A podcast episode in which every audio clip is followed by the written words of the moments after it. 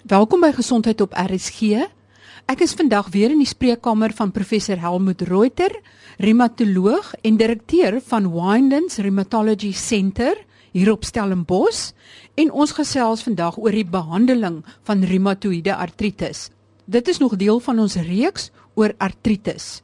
Ek wil net vinnige opsomming gee oor ons bespreking verlede week oor reumatoïede artritis en ek kan net vinnig sê dat reumatoïede siekte is 'n kroniese siekte.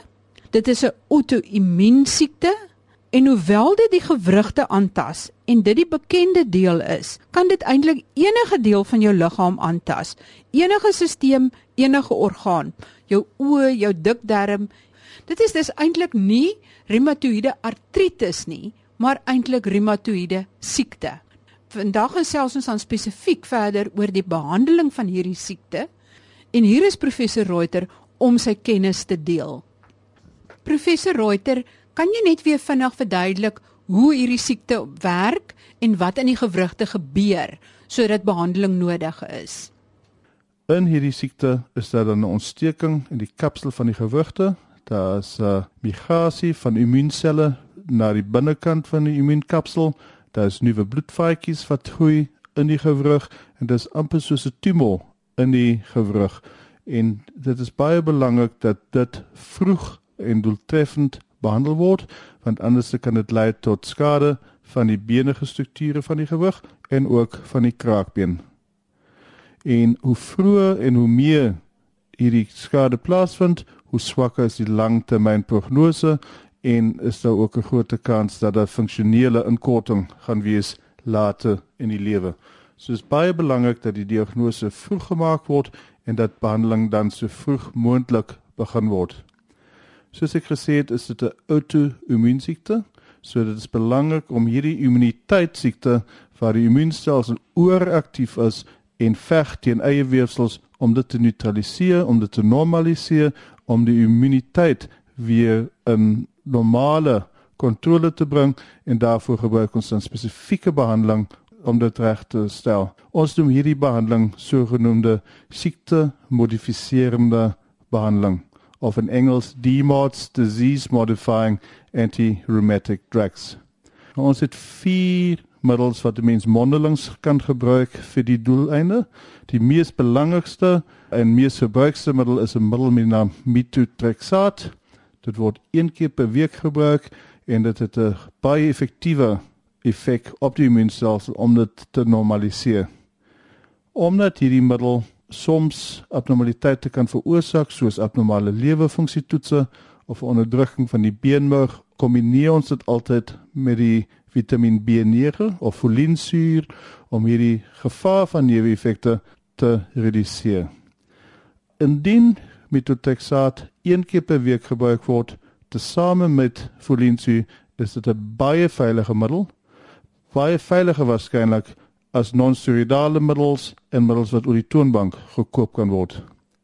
Dit is egter belangrik dat dit korrek gebruik word en dat monitering plaasvind sodat mens kyk na die lewerfunksietoetse en dat mens kyk na bloedtellings om seker te maak dat daar nie enige skade gedoen word nie Indien dit sou gebeur, sal die middel verminder word, die dosering verminder word of die middel selfs vir tydjie gestaak kan word en dan sal mense soos dit normaliseer, dit weer teen 'n lae dosering kan begin.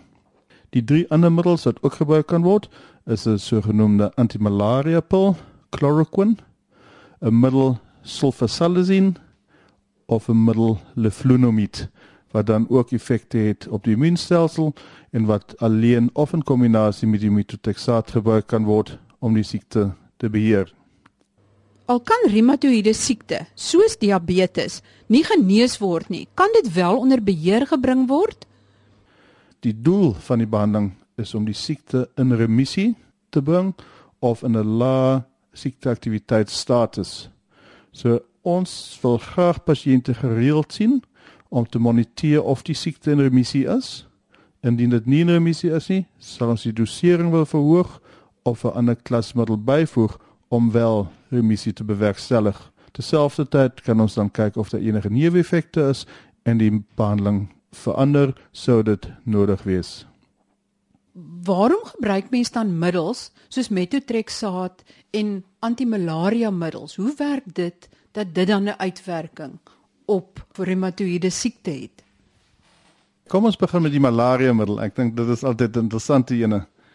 Uh die chloroquine is deur mense in die koloniale tyd gebruik om teen malaria te beskerm.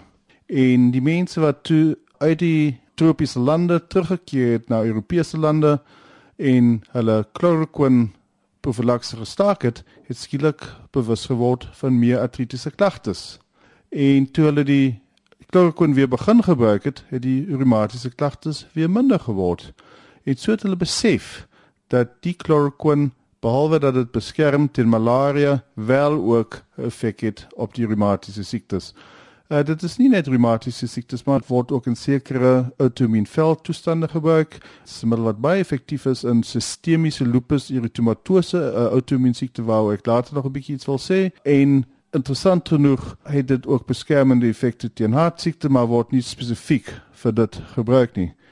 Nou die meganisme van werking is onduidelik. Baie interessant dat ons die middel gebruik sonder dat ons presies weet hoe dit werk. Maar ons vermoed dat dit wel 'n invloed het op die pH, dis die sui basiskontrole binne die sel en dat dan sekere selreseptore anders uitgedruk word op die oppervlakte en dat dit sodoende 'n uh, neutraliserende effek het op ooraktiewe immuunselle en dat deur die neutralisering van die ooraktiewe immuunselle die reumatiese siektes dan effektief behandel kan word deur die chloroquine te gebruik.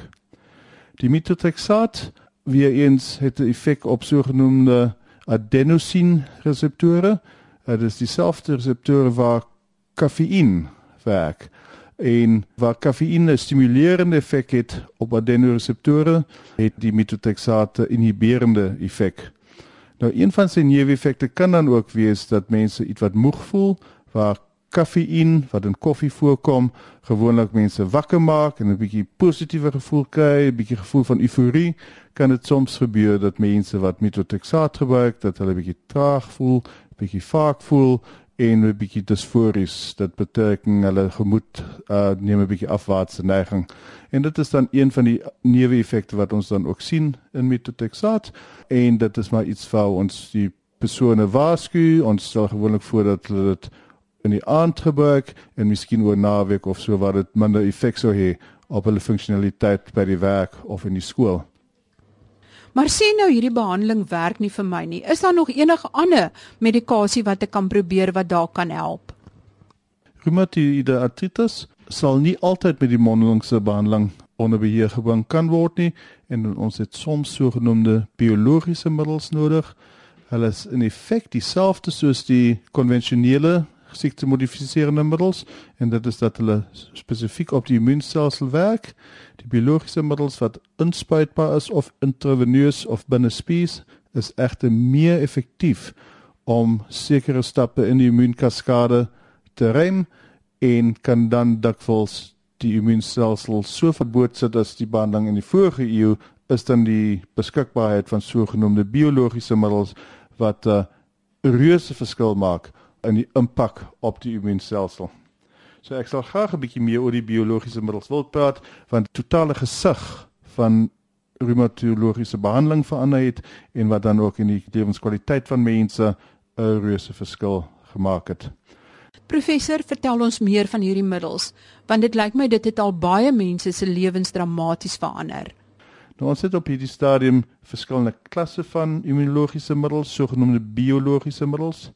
Die biologiese middels is dan monoklonale antiliggame wat op spesifieke plekke in die immuunkaskade sekere reseptore blokkeer of sekere sitokines, dit is die selboodskappers rem om aan reseptore te bind. Die mees gebruikste biologiese middels is in die klas van die tumor necrosis factor uh, remmers, tumor necrosis factor inhibitors en Daar is vier middels wat ons in Suid-Afrika het wat beskikbaar is. Een van hierdie middels is 'n intraveneuse middel wat dan binne aas toegedien word twee maandeliks en dan drie middels wat as intramuskulêre inspuitings toegedien word. Een van hulle word weekliks toegedien, die ander een word twee weekliks toegedien en die derde een word 4 weekliks toegedien. Nou die 4 weeklikse middel het die voordeel dat dit minder inspuitings is. Die 1 weeklikse middel het die voordeel dat as dit in die liggaam is en sou daar infeksie of iets plaasvind dat dit nie so is en dat die mens dan minder probleme kry in opsigte van infektiewe komplikasies. Die belangrikste infeksie en die een waaroor ons bekommerd is wat teen ons waak is infeksie met tuberkulose.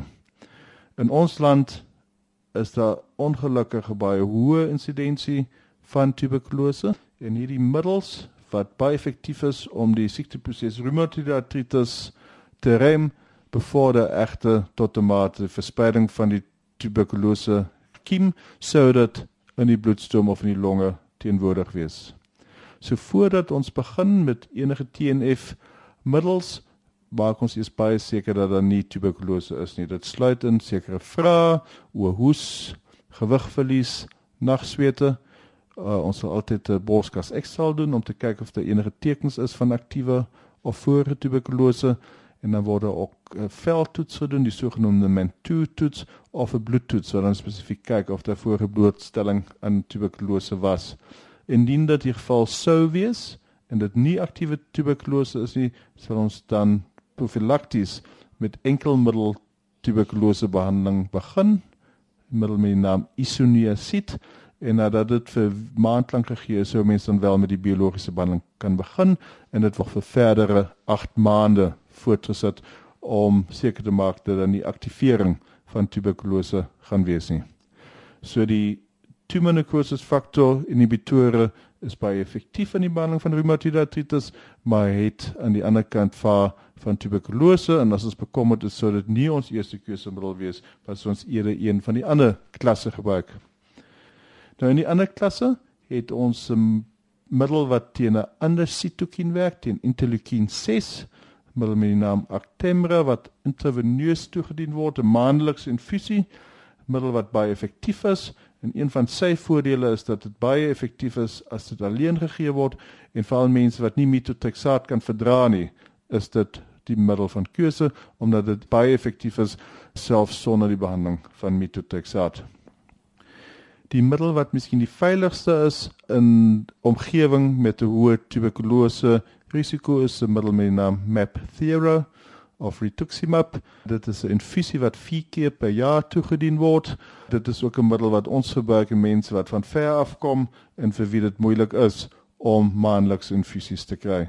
So dit is 'n middel wat dan gegee word en dit het 'n spesifieke effek op die limfosiete, CD19, CD20 selle en deur die limfosiet bevolking drasties te verminder, het dit 'n effek op die reumatoïde proses.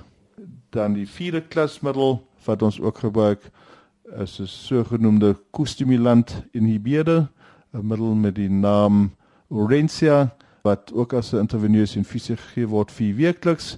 Uh, dit is 'n middel wat uh miskien nie so vinnig werkend is soos van die ander middels nie, maar wat eintlik 'n baie goeie neeweffek profiel het en as mens bietjie geduld aan die dag lê en om tyd gee om te werk, dan is dit 'n middel wat veilig en dan ook 'n lang periode gebruik kan word. Die infusies kan maklik toegedien word en dit is 'n baie goeie middel wat ook gebruik kan word in pasiënte wat tevore met ander klas biologiese middels nie uh, die gewenste effek beleef het nie.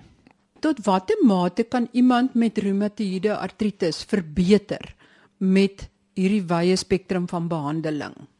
Uh, die belangrikste in die behandeling van reumatoïede artritis is altyd die vroeë diagnose en die vroeë behandeling.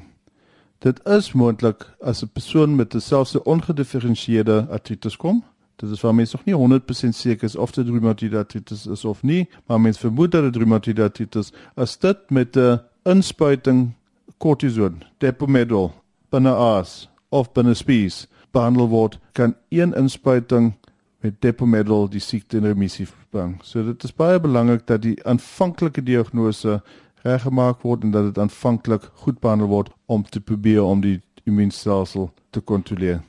Dit is ook belangrik dat die mens oor die eerste 3 maande die siekte aggressief behandel, dat die mens ten alle tye probeer om 'n remissie in te dokter en dat die mens nie probeer om eers alternatiewe metodes te gebruik en 'n bietjie visolie en 'n bietjie vitamiene en 'n bietjie turmeric en sien die naturopaat en doen 'n bietjie yoga.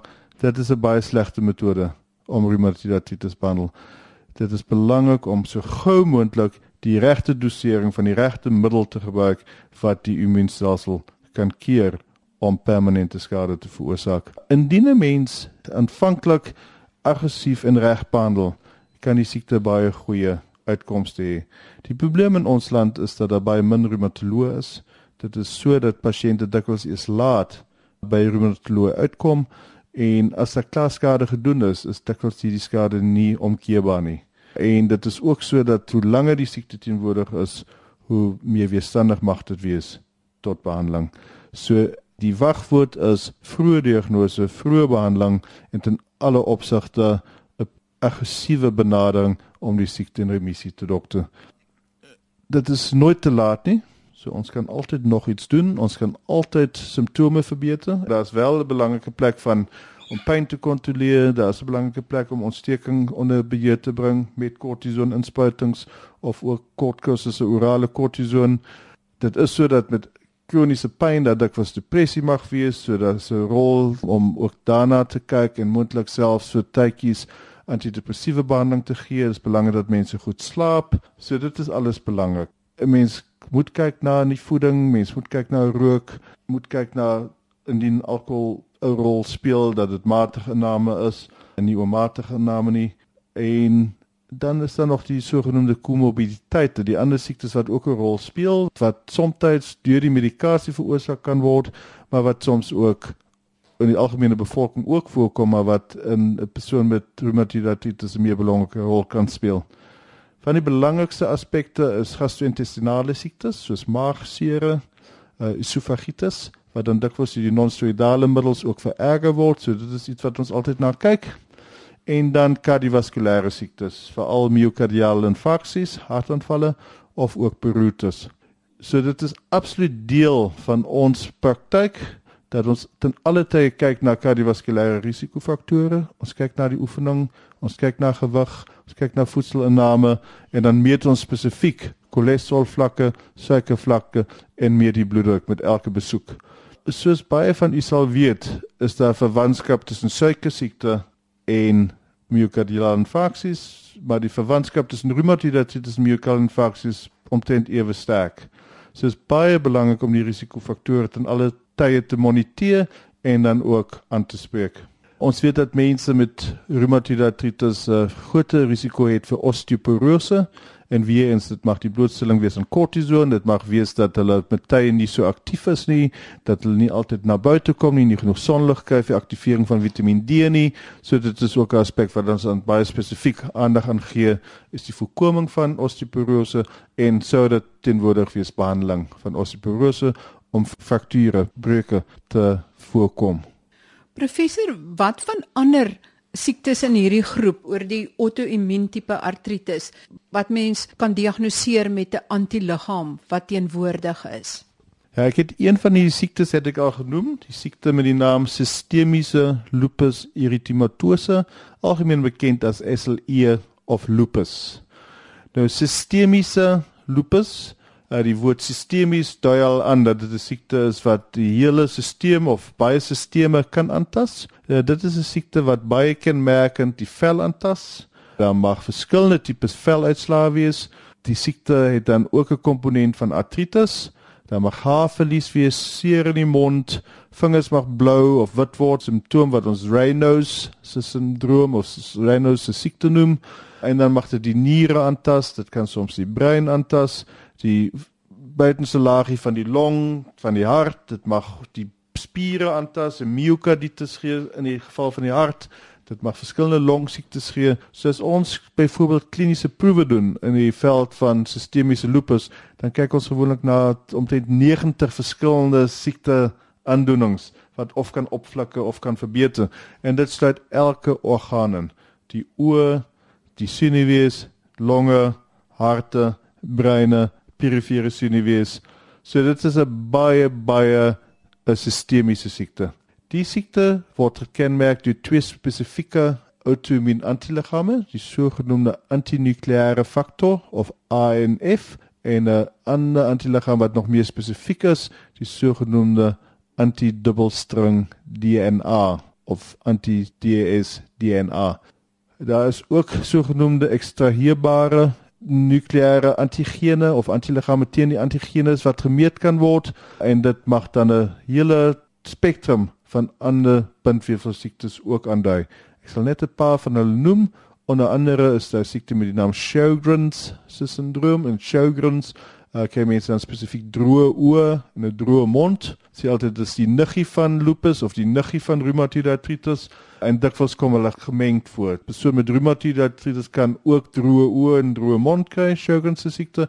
Persoon met sistemiese lupus kan ook Sjogren's kry. Dan is daar siekte met die naam dermatomyositis waar daar aantasting is van die vel veluitslaa en 'n myositis, inflammasie van die spiere wat dan kan lei tot afbraak en baie uitgesproke swakheid van die spiere. As 'n siekte met die naam skleroderma, en skleroderma kry mense 'n soort van verharding van die vel, uh, terselfdertyd mag dit die slukdarm aantas die gastrointestinale traktus sodat daar wanabsorpsie van voeding kan plaasvind, diarree, oorgroeisel van bakterieë en dan dikwels ook littekenweefsel in die longe mag ontstaan.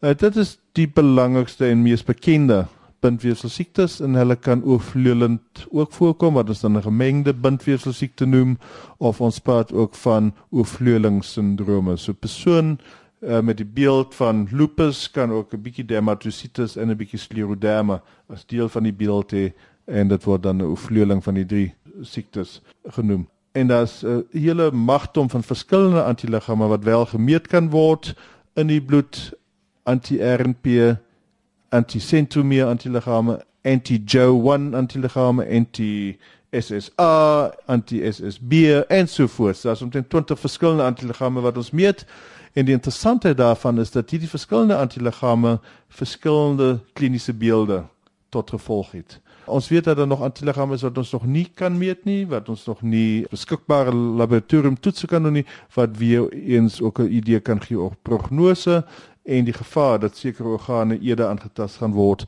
as ander organe. Vir interessantheid, dit is toe ek in my 4de jaar op mediese skool in 'n klas gesit het en gehoor het van hierdie spektrum van antiliggame wat verskillende siektes kan veroorsaak het ek besluit ek wil eendag reumatoloog word. So hierdie siektes wat baie naby aan my hart is en dit is baie opwindend om nou te sien hoe ons met biologiese middels hierdie immuunstelsels kan beïnvloed want op hierdie stadium is daar nog nie biologiese middels beskikbaar in die mark vir lupus, skleroderma of dermatomyositis nie maar ons is besig om nou studies daaroor te doen en kyk hoe ons die immuunstelsels kan moduleer om beter uitkomste te kry vir mense met hierdie autoimmuun bindweefselsiektes. 'n Ander groep autoimmuun artritis is dan die siektes wat ons in kinders sien, sogenaamde jeug idiopathiese artritis of juveniele idiopathiese artritis. Uh, dit is 'n siekte wat in kinders voor die ouderdom van 2 jaar al kan begin daar's 'n oorvleulingstyd wat 'n mens altyd aan reumatiekose moet dink. Reumatiekose is 'n siekte wat die gevolg is van 'n streptokokale keelsee wat dan ook die immuunstelsel mag stimuleer om dan artritis te veroorsaak en dan het 'n mens basies in die kinders wat met artritis voorkom, kan die mense meer sistemiese siekte kry met koors, veluitslae, perikarditis, oogaantasting of dan ook 'n beeld wat meer spesifiek lyk, soos reumatoid artritis of ander auto-inflammatoriese siektes. Met SLE of lupus, is die verloop stadig of is dit vinnig? En ek het verneem dat dit 'n redelike hoë voorkoms het in Wes-Kaap spesifiek. Ja, ek sal maar begin om eers die vraag te antwoord oor die Wes-Kaap. Dit is so, ons sien die Wes-Kaap sien ons 'n baie hoë insidensie van SLE. Uh, ons neem aan dat dit seker genetiese faktore is wat 'n rol daarin speel. Uh dit mag selfs 'n rol speel dat in die Weskaap ons hierdie interessante mengsel het van verskillende genetiese materiale, onder andere uit Suid-Asië, Europa en dan ook uit Afrika. En dat dat ons deur die interessante kombinasie van genetiese materiaal dat dit wel kan bydra tot die verhoogde voorkoms van SLE wat ons sien. Ons sien dit sekerlik 10 keer meer algemeen as in ander dele van die land en sekerlik selfs 100 keer meer algemeen as in ander gedeeltes in die wêreld. So dit is sodat dit by ons 'n baie algemene siekte is. Dit is sodat SLE baie breë spektrum van kliniese tekens het soos ek al genoem het, maar dat ook die prognose geweldig kan verskil. So iemand met SLE kan nie altyd vergelyk word met 'n ander persoon met SLE nie. Van die antiliggame wat ons meet, kan ons 'n bietjie prognostiese inligting gee, maar dan is dit ook faktore soos voedingsstand, infektiewe risiko's en ander aspekte wat 'n baie belangrike rol speel in hoe die verloop van lupus sal wees. In sekere gevalle is dit 'n baie sal amper sê mak siekte. Daar mag 'n bietjie velaantasting wees, daar mag geringe haarverlies wees, daar mag 'n bietjie moegheid wees en dit sal met tye gewigspyne wees.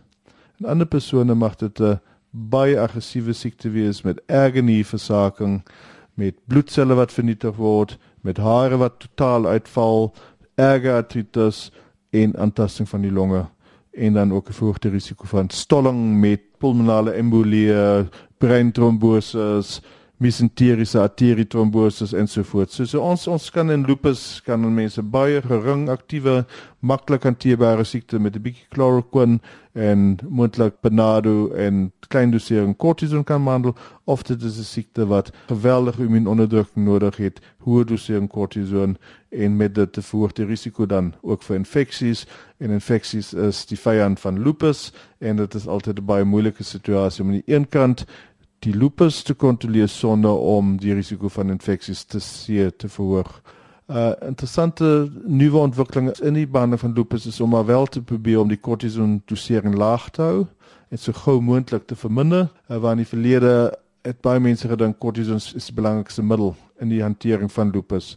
Dit is nog steeds 'n baie belangrike middel, maar ons probeer om dit vir kort tye en hoë doserings te gee, maar dan so gou moontlik die dosering te verminder en indien moontlik selfs die kortison heeltemal te stop. Dit is dan alweer die einde van ons program. Volgende keer gesels professor Reuter verder oor artritis en dan gaan hy kyk na ankylosiserende spondilitis, psoriatiese artritis en hoe die behandeling van hierdie siektes ook al baie baie groot beterskap by pasiënte gebring het. As jy enige vrae het oor enige van die soorte artritis, rig dit gerus aan my by gesond@rsg.co.za en ek gee dit deur aan professor Reuter En as jy enige ander voorstelle en navrae het, skryf gerus aan my. Tot volgende week dan. Totsiens.